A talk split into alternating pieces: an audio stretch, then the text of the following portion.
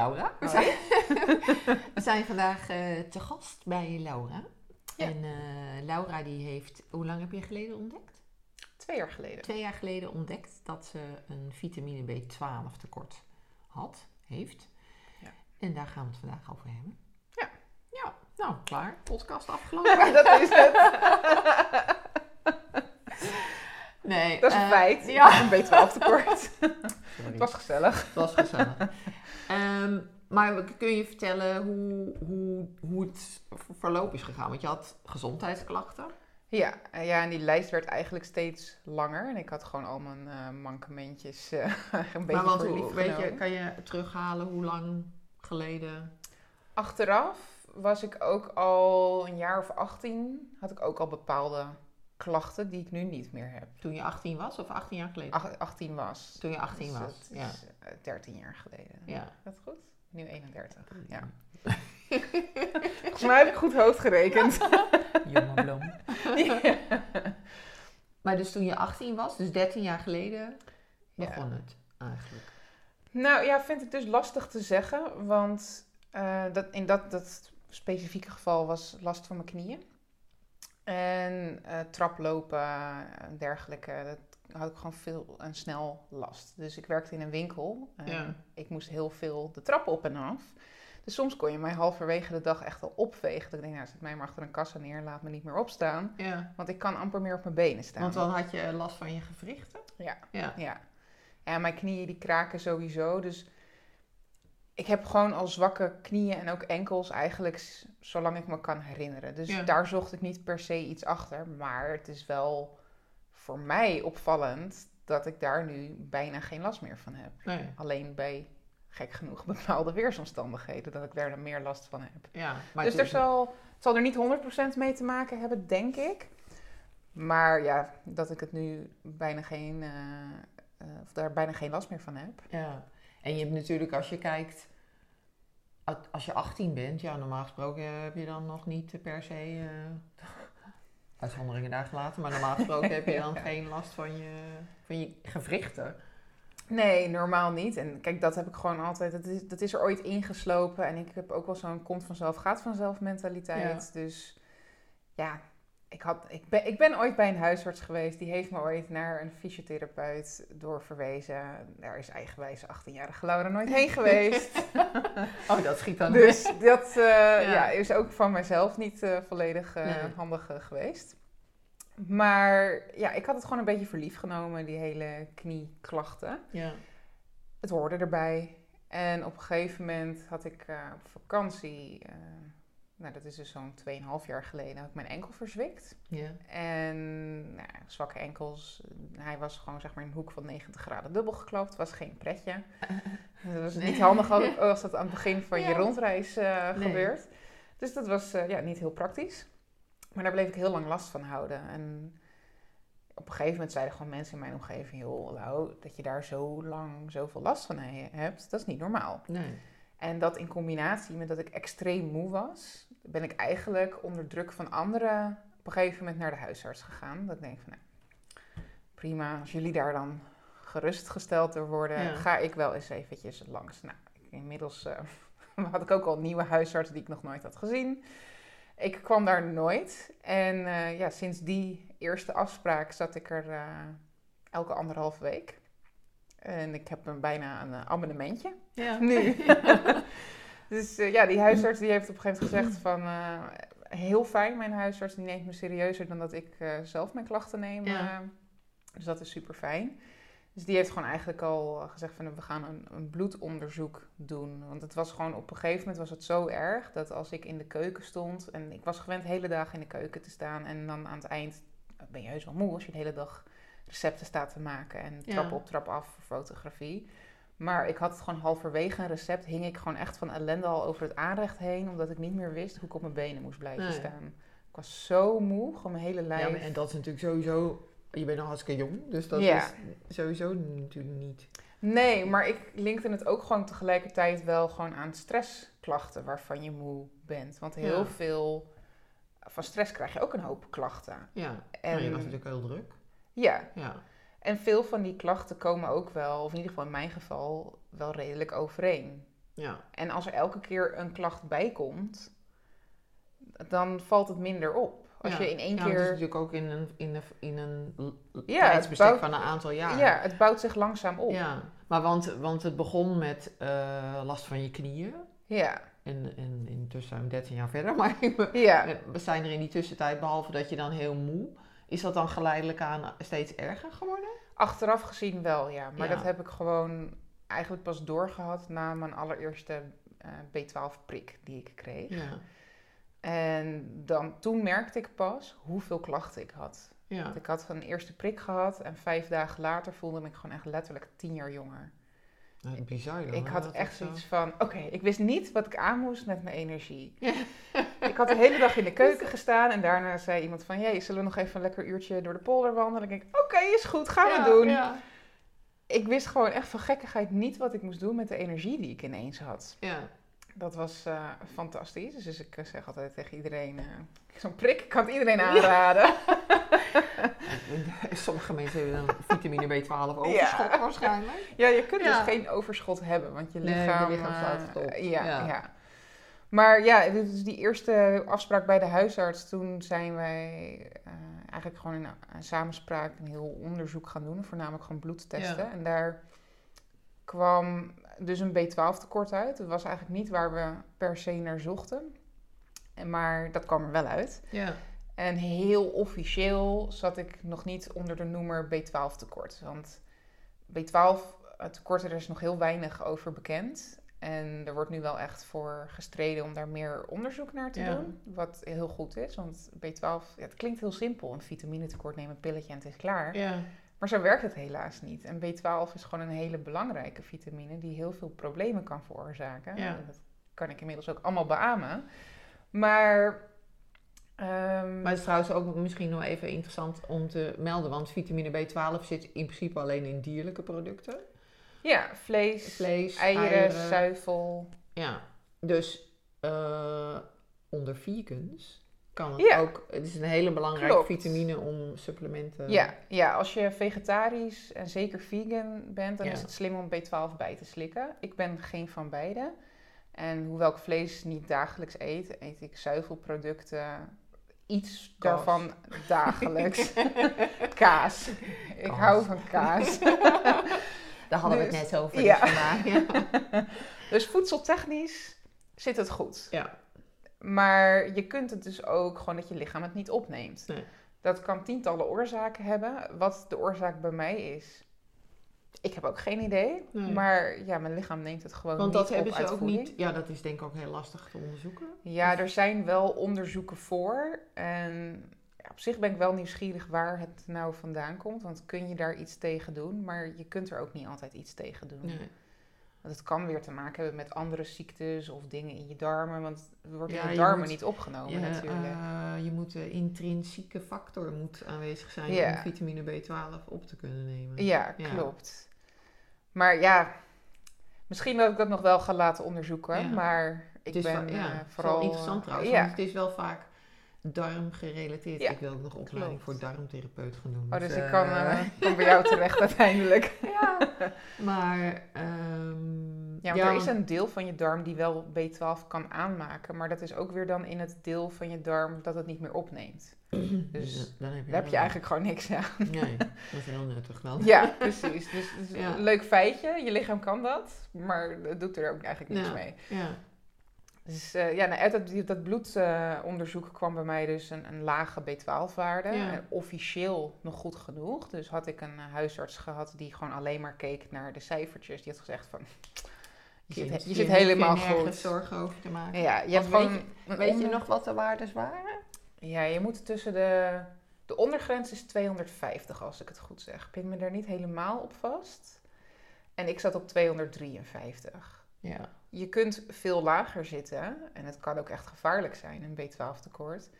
Maar er zijn genoeg huisartsen en professionals die zeggen bij 253 van, nou, je zit gewoon binnen die normaalwaarde, helemaal prima, niks aan het handje, ga gewoon maar door. Maar het is echt bizar dat je dan, als je dan realiseert hoeveel klachten je eigenlijk had. Ja, ja, want ik, Eh, ik, op een gegeven moment dat Ja. ik wist dus dat ik een B12 tekort had, ja, dan ga je googlen van oké, wat Ja, houdt dat in? En Ja. dan kom je lijsten tegen met potentiële klachten. En ik kon gewoon nagenoeg alles afvinken.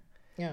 Dat is echt bizar. Dus het is bij mij voornamelijk die vermoeidheid. En die vermoeidheid is wel wat bij ja, vrijwel iedereen die B12 tekort heeft. Vermoeidheid is wel een soort van algemene Mhm. deler. Er zijn altijd uitzonderingen natuurlijk, maar het is bijna gek als je dat niet hebt. Ja. Maar ik had last van mijn ogen, kon dan ineens heel wazig zien. Eh, last van spraak zelfs, dat je niet op woorden kan komen of woorden door elkaar haalt. Dus ja, afasie. Ehm, nou, last van mijn gewrichten, zware armen, benen, tintelende eh, armen en benen, voornamelijk benen. Als ik een stukje had gelopen, dan ik ging daarna weer zitten en het kon een half uurtje zijn. Dus helemaal niet Mhm. Heel erg intensief nee. of zo. En dan zat ik daar op de bank en mijn hele benen tintelden dan altijd. En ik dacht, dat is normaal, dat heeft iedereen. ja, maar dat is ook lastig natuurlijk. Wat Stukje niemand je in- vertelt van, eh, dat is niet normaal, Laura. Je hebt het meestal niet over na een klein stukje wandelen van hoe voelen jouw benen nu Ja, aan? heb je ook tintelingen? Ja, nee. Ja. Nee. Dus ehm, ja, dat waren dan van die dingen. Denk ik, oh ja, nee, dat heb ik ook. Dat Ja. heb ik ook. Dus echt dat, dat je ledemaat gewoon heel zwaar voelen, dat tintelen, eh, geheugenproblemen. Dat is, was echt dramatisch bij mij. Maar goed, een paar burn-outs eh, werken daar ook niet aan mee. Nee. En stress. Dus nou, dat er bovenop. eh, normaal het geheugen van een olifant en dat je dan de simpelste dingen vergeet. Dat Ja. vond ik eh, voor mezelf heel erg op een of andere manier. Omdat dat gewoon iets Nou ja, maar dat- tastbaars dat- was. Ja, ik wou net zeggen, maar dat merk je natuurlijk ook elke dag Ja, eigenlijk. Dus ja, Ja. ik kan me gek genoeg stoorde ik me daar nog het meest aan. Al die lichamelijke Ja. klachten, daar had ik een soort van mee leren leven. Van ja, dit is het nou Ja, maar eenmaal. dat, wat, wat je, ik denk, weet je, als in de loop der jaren die klachten steeds erger worden, raak je eraan gewend. Ja. Tussen aanhalingstekens.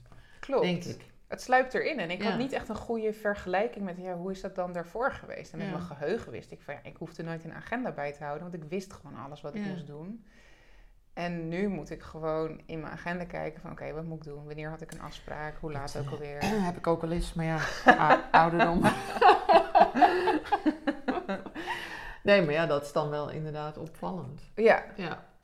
Ja, dus uh, nou ja, goed, nadat uh, we daarachter waren gekomen, hadden we zoiets van, nou, we gaan proberen met prikken. En dan krijg je gelijk uh, 1000 milligram in één keer een prik. Is dat, want dat was meteen van, je gaat prikken, niet ja. doe eerst pilletjes? Nee, omdat ik me zo slecht voelde en Ja. het, mijn huisarts zei van, dit is gewoon met de klachten die jij hebt en de waarden die ik zie, is het gewoon een tekort. Dus we gaan gelijk over op prikken. En nou, dan krijg je een, een kuur van uh, 10 prikken, om het zo maar te noemen. Ja. En afhankelijk van hoe je tekort is, krijg je dat twee keer, twee tot één keer per week. Of één tot twee keer. De meeste mensen hebben twee keer. Um, wij zijn uiteindelijk uitgekomen op elke tien dagen een prik. Omdat ik dus nog niet heel ver onder die uh, ondergrens zat. Ja. Maar me wel zo slecht voelde dat ze zoiets hadden van we beginnen daarop. En dan kijken we even hoe je je voelt. En we kunnen het altijd die interval aanpassen. Dus ik zat daar elke anderhalve week uh, bij de huisarts Ja. voor een prik. En nu, nu dus, dat is, komt, dus dat moet altijd? Of hoe? Nou ja, waarschijnlijk natuurlijk wel. Maar het is, duurt helaas heel erg lang voordat je erachter komt wat het beste werkt. En het, Ja. is, het, het komt niet vanzelf en het gaat ook zeker niet vanzelf. Het, is, Nee. eh, het, sluipt er, het duurt jaren voordat dat erin sluipt. Want je lichaam heeft een reserve en Ja. kan heel ge- lang gebruik maken van die reserve zonder dat het aangevuld wordt. Maar ja, hoe korter of hoe minder voorraad er is, hoe slechter Ja, je je gaat voelen. Ja. Maar het is niet zomaar aangevuld. Want hoewel je zo'n prik krijgt, dan heb je gelijk 1000 eh, milligram, geloof ik. eh, wordt er in je bil eh, geprikt. Jot hem. ja, dus Ja. ja. ja, ik heb dus na die eerste prik, ik had stiekem gehoopt dat ik me op dag 1 al beter ging voelen. Ja. En toen zei eh, de huisartsassistente van, nou ja, dit kan nog wel een paar weken duren voordat je je beter gaat voelen. Ja. Dus toen, nou, dat was wel een kleine domper. ja, dat snap ik, ja. Ja. Maar ja, je had wel na vijf dagen... Daar staat, sta- stonden ze daar ook van te kijken Ja. van wow, zo snel en zo'n groot resultaat. Dat hadden zij ook nog niet eh, eerder gehoord. Nee. Dus nou, daar was ik zelf erg blij mee natuurlijk. Dat ik me eh, zo snel al zoveel beter voelde. Maar dat ging eigenlijk voornamelijk om energie. Dat was een groot verschil. Ja. En achteraf zeg ik ook niet, ik was moe of vermoeid. Ik was gewoon volledig uitgeput. Ja. Want ineens, ja, zo dicht op elkaar kan je het goed gaan vergelijken. Ja. En al die andere klachten, ja, dat gaat langzamerhand, wordt dat minder. Maar ja, heel veel dingen zijn nog steeds niet weg. En dat kan zo ook nog maar maanden of jaren Ja. duren. Dus ik heb in die twee jaar ja. tijd, heb ik twee keer een kuur van tien prikken gehad. Ja. In de tussentijd heb ik nog een tijdje gewoon alleen pillen geslikt. En elke keer moet je tussendoor weer bloed testen. Ja, ik wou net zeggen, want eh, wat is nu... eh, Nu, op dit moment, heb ik eh, zo'n vier maanden geleden mijn laatste prik gehad. Ja. En daarna ben ik begonnen met gewoon dagelijks eh, B12 de pilletjes eh, Ja. slikken. mhm. En ik slik daarbij ook nog extra magnesium, omdat ik merk dat met alleen B12 dat, ik, dat het voor mijn gewrichten niet goed is. Dat het Nee. niet genoeg is. Nee.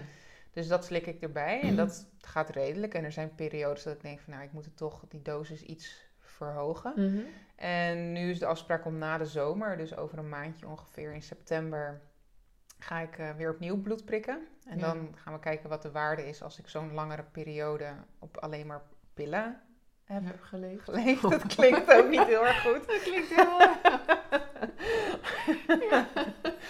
Dus dan gaan we kijken wat dan de Ja. waarde is. En gelukkig voel ik me momenteel dat ik denk van nou, ik denk en hoop dat ik met alleen pillen gewoon Toe verder kan. Ja. Maar ja, straks het najaar dat je toch weer in verhouding meer binnen bent. Ja, want, Minder eh, want, zon. eh, wat voor pillen gebruik je? Welke? welke Gewoon puur B12. Ja, maar je hebt- heb je een merk? Eh, ik moet eerlijk zeggen dat ik momenteel een beetje wissel tussen merken. Ik heb heel lang gewoon op eh, advies van de huisarts gewoon pilletjes bij de apotheek gehaald. Ja. En nu ben ik een beetje aan het kijken van oké, nog meer van vergeten naar de apotheek te gaan. De apotheek is dicht. ik heb toch iets nodig. Ja. Even bij eh, de, de drogistenpotje gehaald. Dus ik heb nu iets van eh, mm, Vitaal heb ik. Nou ja, ik, ik, Ik mijn niet. B12 is ook wel eens geprikt. Niet omdat ik klachten had, maar gewoon als een algehele Ja. gezondheidsweet. En ik had 1250, dus ik had al genoeg. Daar heb ik dus zo'n zo'n shot voor nodig. En dan Ja. zit ik daar nog niet eens aan. Nee, maar ik gebruik eh, van S- Sanacore heette die. Maar het zijn wel echt hele goeie, dus misschien wel een Ja, tip. nou, die, Want je eh, hebt van B12 ook verschillende types B12. Ja, en, dan, klopt. en dan moet je eh adenosine en methine... Ja, Ik zal het hieronder maar even Ja. neerzetten. voor mij ook fijn, want Ja. ik ben erg benieuwd naar dat. eh, Ja, maar dat, het zijn zuigtabletjes. Die neem je sowieso over het algemeen beter op dan Ja, dat je gewoon naar binnen slikt. Dus ehm, ja, en bij, nou, bij mij werken ze heel goed. ja dat, eh, dat blijkt. Zo goed dat ze zeiden van nou, misschien moet je ze niet elke dag nemen. Ja, nou gelukkig goed, kan ja. een overschot aan B12 geen kwaad. Nee, nee, maar ja, Maar als het niet nodig is, Nee. ja. kost ook nog geld hè. Al Ja, die, eh, precies. ja. ja Want wordt dat eigenlijk vergoed, B12-injecties? Nee. Nou, wacht. Ook niet De- via de- de, huisarts? Ja, even kijken. De bloedonderzoeken worden niet vergoed. Of in ieder geval in mijn geval niet.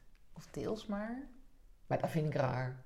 Want je hebt toch Ja, volgens mij krijg je... gezondheidsklachten die dan onderzocht moeten worden. Ja, of het valt dan gewoon nog in je eigen risico en daar zit ik dan nog niet Oh, dat zou kunnen. Dat zou ook kunnen, maar in ieder geval moet ik er gewoon nog voor betalen. Ja. Ik heb, verder ben ik gezond genoeg dat ik niet de hele Nee, waslijst nee, aan nee, nee, ja, heb. dus dan zit je inderdaad waarschijnlijk aan je... Ja, dus eh, ja, ik zie gewoon de rekeningen, of tenminste mijn zorgverzekering die dat dan weer eh, netjes uh, netjes afschrijft. doorstuurt. ja. ja. Maar volgens mij werden die prikken wel vergoed. Ik kan me niet herinneren dat ik eh, voor die capsules betaald heb. Nee, want dat zal best wel... En ook al zou ik dat Prijzig wel zijn. moeten doen, dan doe ik dat met liefde. Want ik voel me er zoveel beter door. Ja. Dus ja, het is nu nog niet bekend hoe het verder gaat. Ik zit gewoon al twee jaar in dat proces. En dat kan misschien nog wel twee jaar duren voordat we de beste behandeling eh, of de beste behandelmethode hebben gevonden Ja. die bij mij aanslaat. Of tenminste, dit slaat wel aan, maar je wil voor de lange termijn Ja. wil je hebben dat het goed zit. Maar het is ook kans dat we gewoon steeds weer moeten bijsturen. ja. En, Nou ja, maar het zou, nou, wat je zegt, het zou fijn zijn als je niet elke keer voor die prikken... ja, ja, want mijn eerste serie, dat was dus elke tien dagen. Nou, toen ik op een gegeven moment echt zoiets van, zitten we weer bij die Ja, huisarts? Maar en die gingen in je bil? Ja. Ja, ik zat daar de eerste maar keer zo mijn mouw omhoog. Ik dacht, nou, kom maar hoor met die prik. Ja. Ja. huisartsassistenten van, eh, nou, hij gaat dat? eigenlijk in je bil. Oh, Ja. tenzij je het niet wilt, dan kunnen we hem ook in je arm zetten. Ik zeg, nou ja, als dat het beste werkt. dat in je Ja, bil zit de grootste spier. Hij wordt in Oh, je spier daar. gezet. In de gluteus max. Ja, dan weet ik niet hoe die heet, maar gewoon in een spier. Het is een relatief dikke naald ook. Oh. Voor iedereen die van, niet van naalden haalt, excuus. het is een vrij lange, dikke naald die eh, in je bil wordt gezet. Maar daar heb je dan ook last van, denk ik? Of is het, valt het de ja, vloeistof niet heel nou, dik? Ik zit, ja. ik zit aan mijn beeld te voelen ondertussen. Oh, ik denk, jij zit gewoon in zo'n naald erin jassen. Ehm, ja, je voelt wel die vloeistof erin gaan. En je voelt dat dan ook wel echt zo... Ja, die, ja. De eerste keer schrok ik er wel van. En heb ik er ook echt spierpijn van gehad. En dat je dan s'avonds in je bed gaat liggen. En dat je denkt van, ach, waarom doet mijn bil zo zeer? Ja. Maar dat is eigenlijk de eerste keer geweest. En sindsdien heb ik er niet echt last meer van. Het, is, eh, het kan wel als de vloeistof... De vloeistof bewaar je thuis. Oh, oké. Eh, dus die moet je steeds weer koeling? meenemen. Nee, niet in de Nee, oh, koeling. niet in de koeling. Maar als ik in de winter daarheen fietste en het is heel koud buiten. Wordt het lekker stroperig. Nou ja, ja, dan als het koud is, dan voel je het wel Ja. meer. En ook als ik echt net van de fiets afstap en ik kon gelijk geholpen worden, dan zit er toch nog meer spanning in je spieren of zoiets. En dan Ja. voel je het ook meer. En als ik daar gewoon nog even moest wachten in de wachtkamer en ik zat gewoon rustig, dan ging het weer beter. Dus dat is ook wel weer apart dat je die verschillen merkt. Maar ja, je hebt er niet echt last van. En je hebt meer last van de klachten dan van die prik. Ja, Dus ja nou goed, uiteindelijk eh, is die prik ook niet belangrijk, denk ik, als je inderdaad zoveel beter... Nee, Voelt, kijk, je moet eh, gewoon, je, je mag zelf kiezen hoe je die prik krijgt. Eh, als je het eng vindt, mag je ook gewoon op een tafel liggen dat je kan ontspannen. Ik sta Ja. meestal als een soort flamingo op één been eh, Op één te balanceren. Ja, omdat je je, je bilspier waarin Oh, wordt moet je geprikt, moet je ontspannen. ontspannen. Oh, Want anders doet het wel echt pijn. ik val om als ik op één been ga staan. En je mag een stoel vasthouden. ja, ik ben één keer ben ik wel echt helemaal dizzy geworden. Ik ben niet bang voor naalden Nee. of prikken of zo, maar Maar je ziet het ook niet, dat scheelt. Soms gaan aan de achterkant erin. ja. ja, ze voelen dan waar die spier precies zit Ja. en dan tekenen ze een soort vanaf en dan Oh, prik zo erin. specifiek? Want heb je al eens een tetanusinjectie gehad? Nee. Oh, want ik ook niet. Nou ja, trouwens, zo'n... eh, ik heb DTP gehad, maar dat ja, is die heb ook... wel gehad. Dat is in je eh, arm. Ja, en dat is best wel dikke vloeistof Ja. ook. Maar Tom heeft ooit een keer... eh, die was gebeten door de kat. En die kreeg toen een tetanusinjectie, maar dat gaat ook in de bil. Kon die een dag niet lopen. Oh, echt? Zo erg? Ja, maar er ging Oh, echt een jas erin en... ja. Oh, maar dan heb ik misschien gewoon mazzel eh, ja, nou ja, maar als misschien doen ze het wat beschaafder. Ja, het wordt niet eh, met geweld erin Nee, gezet, nee. gelukkig. dus eh, ja, nu zijn het de prikken. En eh, nu voor mijn doen al heel lang zonder prik. Ja. En waarschijnlijk ga ik in ieder geval door met de pillen. Want het, ja, voor mij is het wel een stuk fijner als ik niet elke Ja. keer naar die huisarts hoef om die prik te laten zetten. Je kunt Nee, het ja, overigens precies. ook zelf doen hoor. Dan krijg je priktraining en dan kan je het bij jezelf in je bovenbeen zetten. Oh, ja. Of eh, iemand uit je omgeving krijgt priktraining, zodat die het in je bil kan zetten. Ja, net bloedverdunners doen mensen ook vaak als ze moeten Ja. prikken zelf. Maar, Ja, ehm, maar dat, had je nou, want het- ik weet niet meer, volgens mij had ik het gevraagd. en- maar weet je wat het, je laatste niveau was? Ehm, ja, dat heb ik dus vanochtend zitten zoeken. Ik heb het ergens vinden. opgeschreven, maar ik kon het niet meer vinden. Maar volgens mij zat ik op 570 of zo. Oh, oké, nou ja, dat is een stuk beter. Dan, Ja. En dat is dan eh, een maand of anderhalve maand nadat ik mijn laatste prik had gehad. En toen slikte ik wel iets bij. Ja, maar want de ondergrens is 250. Ja. Maar wat is dan, ja, er is geen bovengrens, maar wat is de, Nou ja, de de, ideale- normaalwaarde. ja, Ik durf het niet meer met zekerheid te zeggen. Ik heb vooral die 250 eh, onthouden. Ja, Maar ik denk iets tussen 250, 750 of zo. ja, pin me er niet op vast, maar zoeken we op. zoek hem op, ja. Ja. Nee, dus ja, er is gewoon een soort waarde die huisartsen aanhouden. Van nou ja, daartussen Ja. is het, eh, daar wil je zitten. ja. Maar ja, ik heb op een gegeven moment ook wel gebeld met de huisarts. En het is een gedeelde praktijk. En ze nemen me allemaal hartstikke serieus. Dus dat is super fijn. En toen was mijn waarde wel al wat hoger. Dus zat ik op 420 of zo. ja. En toen zei ik van, nou ja, volgens de waarde zou ik me goed moeten voelen. Maar ik voel me gewoon echt niet goed. Ik ben nog steeds zo vreselijk moe. En Ja. ik heb gewoon in mijn eetpatroon wel, naar mijn idee, de nodige dingen veranderd. Ik probeer van mijn kant zoveel mogelijk te doen om me beter te voelen. Mhm. Maar het lukt gewoon niet. Nee. En toen ik van ja, dan gaan we af op jouw gevoel en dan gaan we gewoon weer met die prikken beginnen. Dus dat is heel erg fijn. Maar het, zoals gezegd, het duurt heel lang voordat je alles onder controle Ja. hebt. Ja. Maar want je zegt je hebt je voeding aangepast, want wat heb je aangepast? Ja, ja, gewoon heel simpel. Eigenlijk gewoon gezonder gaan eten, meer proberen te bewegen. Want als je zo uitgeput bent, als ik op een Ja, dan gegeven ga je ook moment niet was... bewegen voor de lol, denk ik dan. Ik moest echt van de bank afgetrokken worden, Ja. fysiek door iemand, om te gaan lopen. Ja. Ik kreeg mij niet zomaar. Lotje. Ja, ja Lotje, het konijn, eh, die, die kan ik niet uitlaten of zo. Maar, dan heb je nog zeg maar een soort Ja. doel. Ik lag gewoon echt laveloos eh, op de bank na een week werken. Ja. Nou, dat was in mijn geval dan vier dagen werken. Had ik die drie dagen nodig om zoveel mogelijk bij te komen. Ik lag Ja. voornamelijk op de bank films te kijken of gewoon te liggen. Ik Ja. kon gewoon niet meer. Dus het is eh, ja, een wereld van verschil met hoe ik het nu, hoe ik me nu voel. Ja. En ik vraag me al helemaal af hoe ik dat voor elkaar heb gekregen om toch nog dingen te doen. Maar als je zo moe bent, je komt in zo'n spiraal terecht. Van je, je, weet, je weet heel goed dat je gezond moet eten en moet bewegen om je beter te voelen. En als je dat niet doet, voel je je niet beter. Nee. Maar als je de energie niet hebt, ga je het ook niet doen. Nee. Ook al weet je dat je het moet doen om die energie weer te krijgen. Ja. Dus ja, dat was eh, erg Ja. lastig. Maar eh, ja, die prikken, fantastisch. Zeg ik.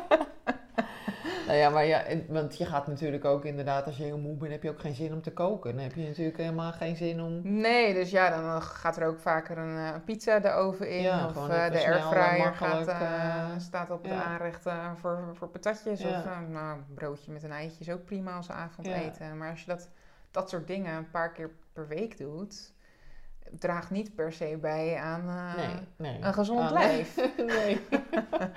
nee. En- niet echt. nee. Nee, en je geniet er ook niet van als je het Nee. vaak eet. Ik at gewoon eigenlijk, want eetlust, eh, gebrek aan eetlust, hoort ook, eh, kan ook een symptoom zijn. En dat heb ik ook wel heel vaak gehad. De, de ochtenden dat ik met lange tanden op een rijstewafel zat eh, te knagen, omdat ik van mezelf vond Iets dat ik iets eten. moest eten. Ja. Die zijn niet op één hand eh, te tellen en ook niet op twee. Nee. Dan zat ik echt van, "Hm, ik moet wat eten, doe maar een rijstewafel. En daar deed ik dan ook echt een eeuwigheid over. Oh, echt? Ja, ja, maar als je echt geen zin hebt in eten, veel misselijk was ik ook. Wordt dat ook? Is dat ook een symptoom? Eh, misselijkheid weet ik niet zeker, maar dat ging bij mij wel gewoon een beetje hand in hand samen. Ja. Dus ja, misselijk maakt dan ook weer dat je dan niet zo'n zin hebt om te eten. Nee. Terwijl je ook weer weet, als je wat eet, dan zakt misselijkheid vaak weer. Dus het zijn Ja. allemaal van die dingen, je, je weet het heel goed. Een soort vicieuze cirkel Ja. het dan Ja, precies. Ja. Kijk, je weet heel goed wat je moet doen.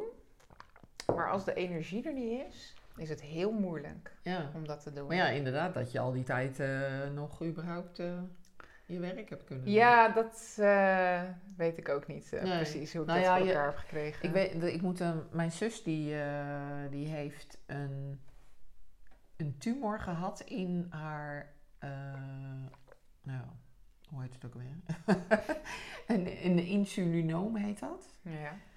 Ehm, en die, die pro- produceerde zoveel insuline dat ze altijd een hele lage suikerspiegel had. Oh. En op een gegeven moment had ze een nieuwe internist en die, eh, die zei van nou, een normaal mens die kan niet eens lopen meer met zo'n lage bloedsuiker. Maar dus ik denk Ja. dat dat een beetje vergelijkbaar is, omdat het een geleidelijk aan steeds slechter gaand Ja. iets is. Dat, dat je op een gegeven moment een soort overlevingsmodus of zo bent. ja, nou ja, eigenlijk wel, ja.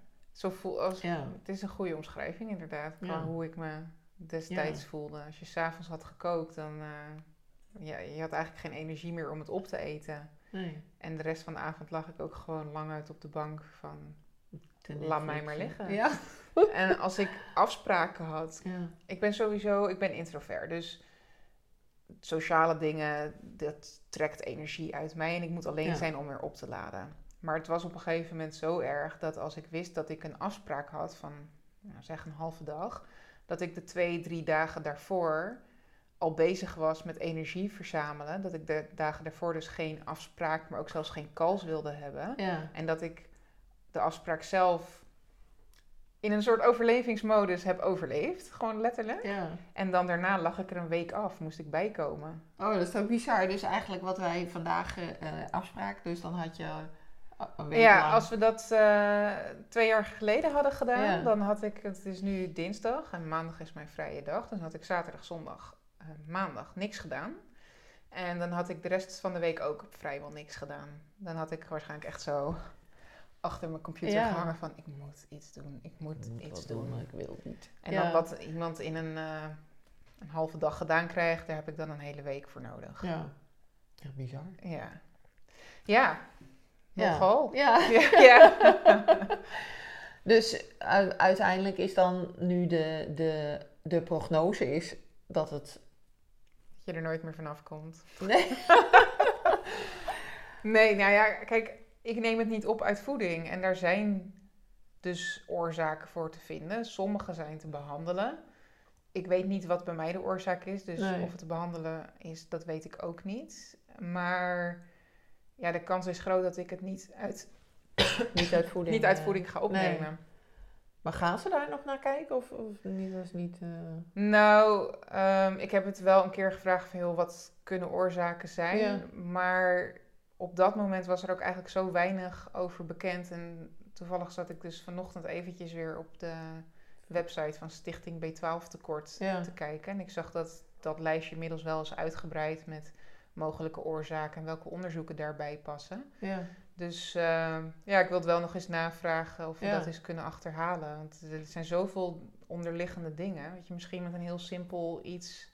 Ja, dat je al die zooi niet... Of al die zooi, maar al die... Ja, Kijk, kijk. het zijn niet de ergste dingen om te slikken, Nee, denk nee, ik nee. dan. Maar Nee, het zijn twee pilletjes per dag. En Ja. in periodes dat ik me slechter voelde, neem ik eh, het tweemaal daags eh, in. ja. Dus het valt allemaal wel mee.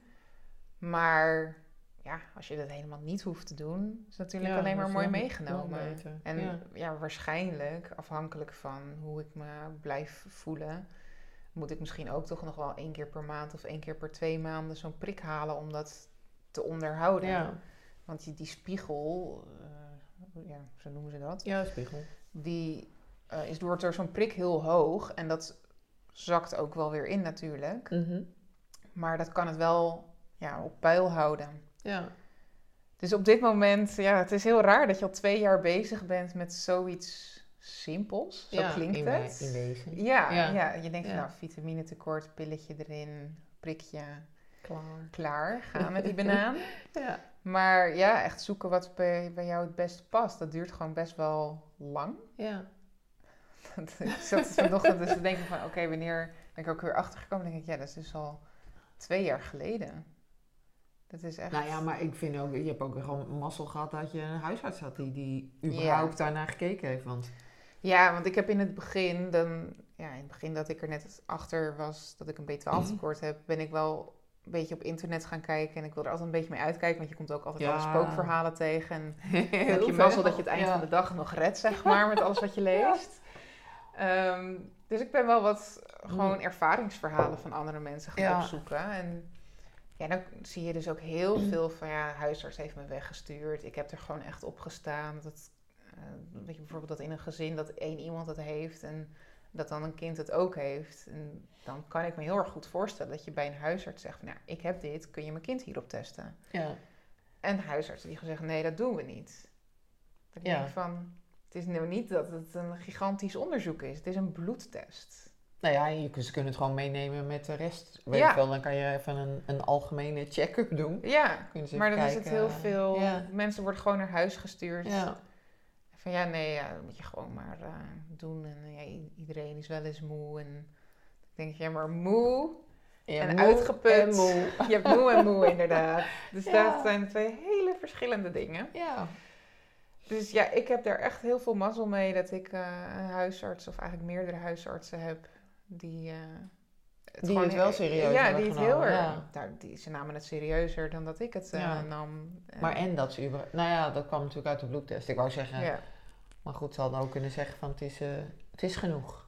Nou, kijk, in het verleden, dat is al jaren geleden, heb ik ook wel eens bloed laten testen. En er kwam een afwijkende waarde van mijn schildklier naar boven. Ja. En nou is het niet gek als dat een keertje afwijkt. Maar ik moest daarvoor wel, wel weer een paar maanden later opnieuw prikken. En als het dan Ja. nog steeds zou afwijken, dan moest er verder onderzocht worden. En nou, daar was achteraf gewoon helemaal niks aan de hand. Het is gewoon een keer weekie af. Ja. En ehm, dus daar wilden ze eigenlijk voornamelijk op onderzoeken, omdat dat dus nog wel ergens in mijn dossier stond. Want dat is een keer zo geweest en bepaalde klachten Ja. hoorden daar ook wel bij. ja, de vermoeidheid is dan ook wel. Ja, precies. Ja. Ja. en ik kwam eigenlijk ook alleen maar met mijn vermoeidheid aanzetten. Al Ja. die dingen als van eh, mijn knieën, mijn enkel, mijn zware armen, mijn tintelende benen. Die had je natuurlijk al tien jaar. Dat had ik al zo lang. Ja. Dat, dat, dat had ik allemaal niet eens opgenoemd. Nee. Dat ik daar last van had. Ik had er niet eens bij stilgestaan dat dat Gelinkt verband kon hebben. Ja. Ja. Ja. Dus ik kwam alleen maar van, ik ben heel erg moe.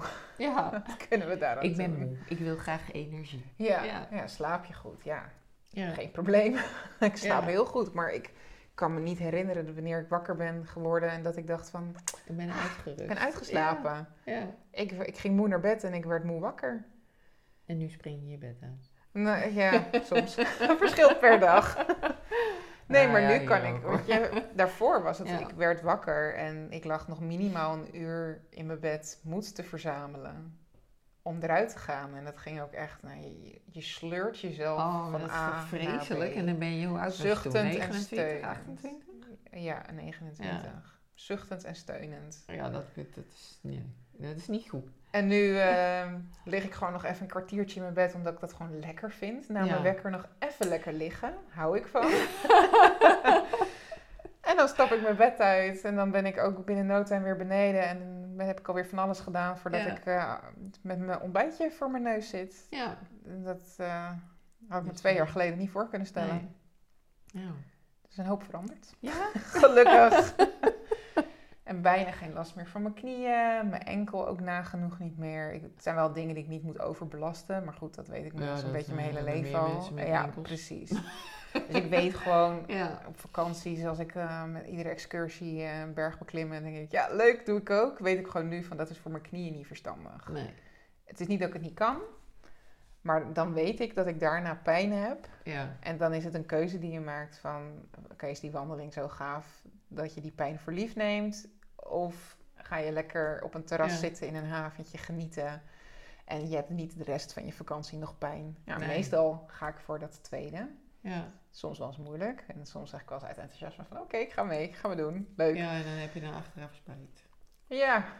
Of in ieder geval, dan moet je het bezuren. dan, ja precies. ja, Ja. dus ja, dat eh, soms wel eens lastig, die keuzes, maar ja. Ja. Als dat nu het ergste is, valt dat ook wel mee. Als je soms die keuzes moet maken. Ja, van- nou ja, het is, het is wat het is, zeg ik altijd. Ja. Ja. Ja, precies. Ja. Ik, ik, nu kan ik dat soort dingen alweer doen. Ja. Ik kan me nog een stedentrip van een aantal jaren terug herinneren. Nou, ik heb echt door die...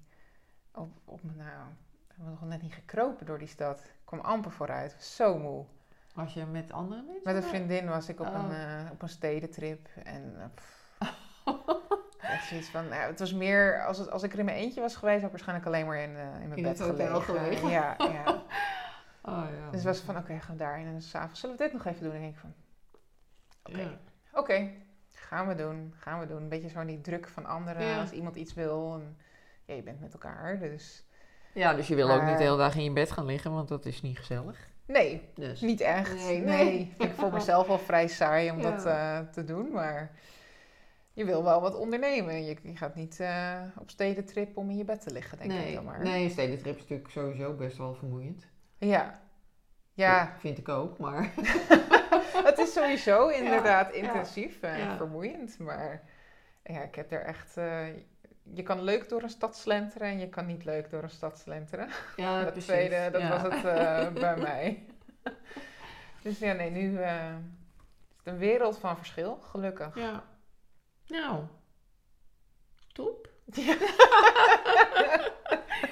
Ja, nou ja, dankjewel voor je verhaal. Ja, graag En gedaan. eh, misschien dat iemand er nog wat aan heeft. Want ja, ja, het is altijd de moeite waard om het even te testen. Als Ja, je zeker. klachten herkent. ja. ja, en Dus, ik kan dus eh, ook wel echt... eh, web, mag ik een website aanraden? Ja, ja. Stichting B12tekort.nl kan ik echt aanraden. Daar heb ik zelf veel aan gehad. Ja.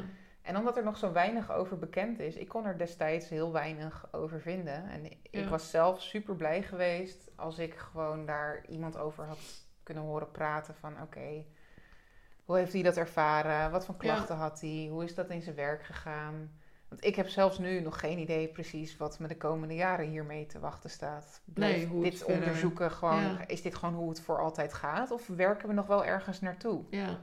Nou ja, ik zou heel graag willen weten wat de oorzaak is. Dat is dan Ja. wel mijn eh, dingetje. Ja, ja dat heb Want- ik inmiddels dus ook. Ja, want het is fijn dat je weer die energie hebt, maar het moet ergens vandaan komen. Of er moet een reden zijn dat jij het niet opneemt. En misschien is het een reden waar je niks aan kan doen. Nou ja, dan is het zo, maar dan weet je Nee, ja, precies. Ja. Ik heb wel zoiets. Kijk, in het begin was gewoon mijn enige doel van ik wil me beter voelen. En hoe en wat maakt me verder niet Nee. En de, de meest voor de hand liggende vraag is inderdaad: eh, ben je vegetarisch of vegan? Ja, Nee en nee. Wat is dan de oorzaak? ja, Ja, het is gewoon fijn dat er gewoon steeds meer in onderzocht wordt en dat er steeds meer over bekend wordt. ja. Dus hopelijk komen we er bij mij ook nog achter. En ja, het zou helemaal top zijn als er iets Nou, tegen dan, te doen eh, is. dan, dan doen we gewoon nog Ja. een keer, Dan doen we het vervolg. Hoe is het nu met? Ja, hoe is het nu met Laura? Ja. Ja. Nou, dankjewel. Graag gedaan. En eh, als jullie vragen hebben, laat ze hieronder achter. ja, Kan dat bij een podcast? Nee. weet ik. Dat weet ik Nou, dan sturen een Simone's Kitchen. Simone's Kitchen. Kan je al je vragen kwijt. Laura's Bakery. Ja, daar ook. Nou, dankjewel. En toedeloe. Toedeloe.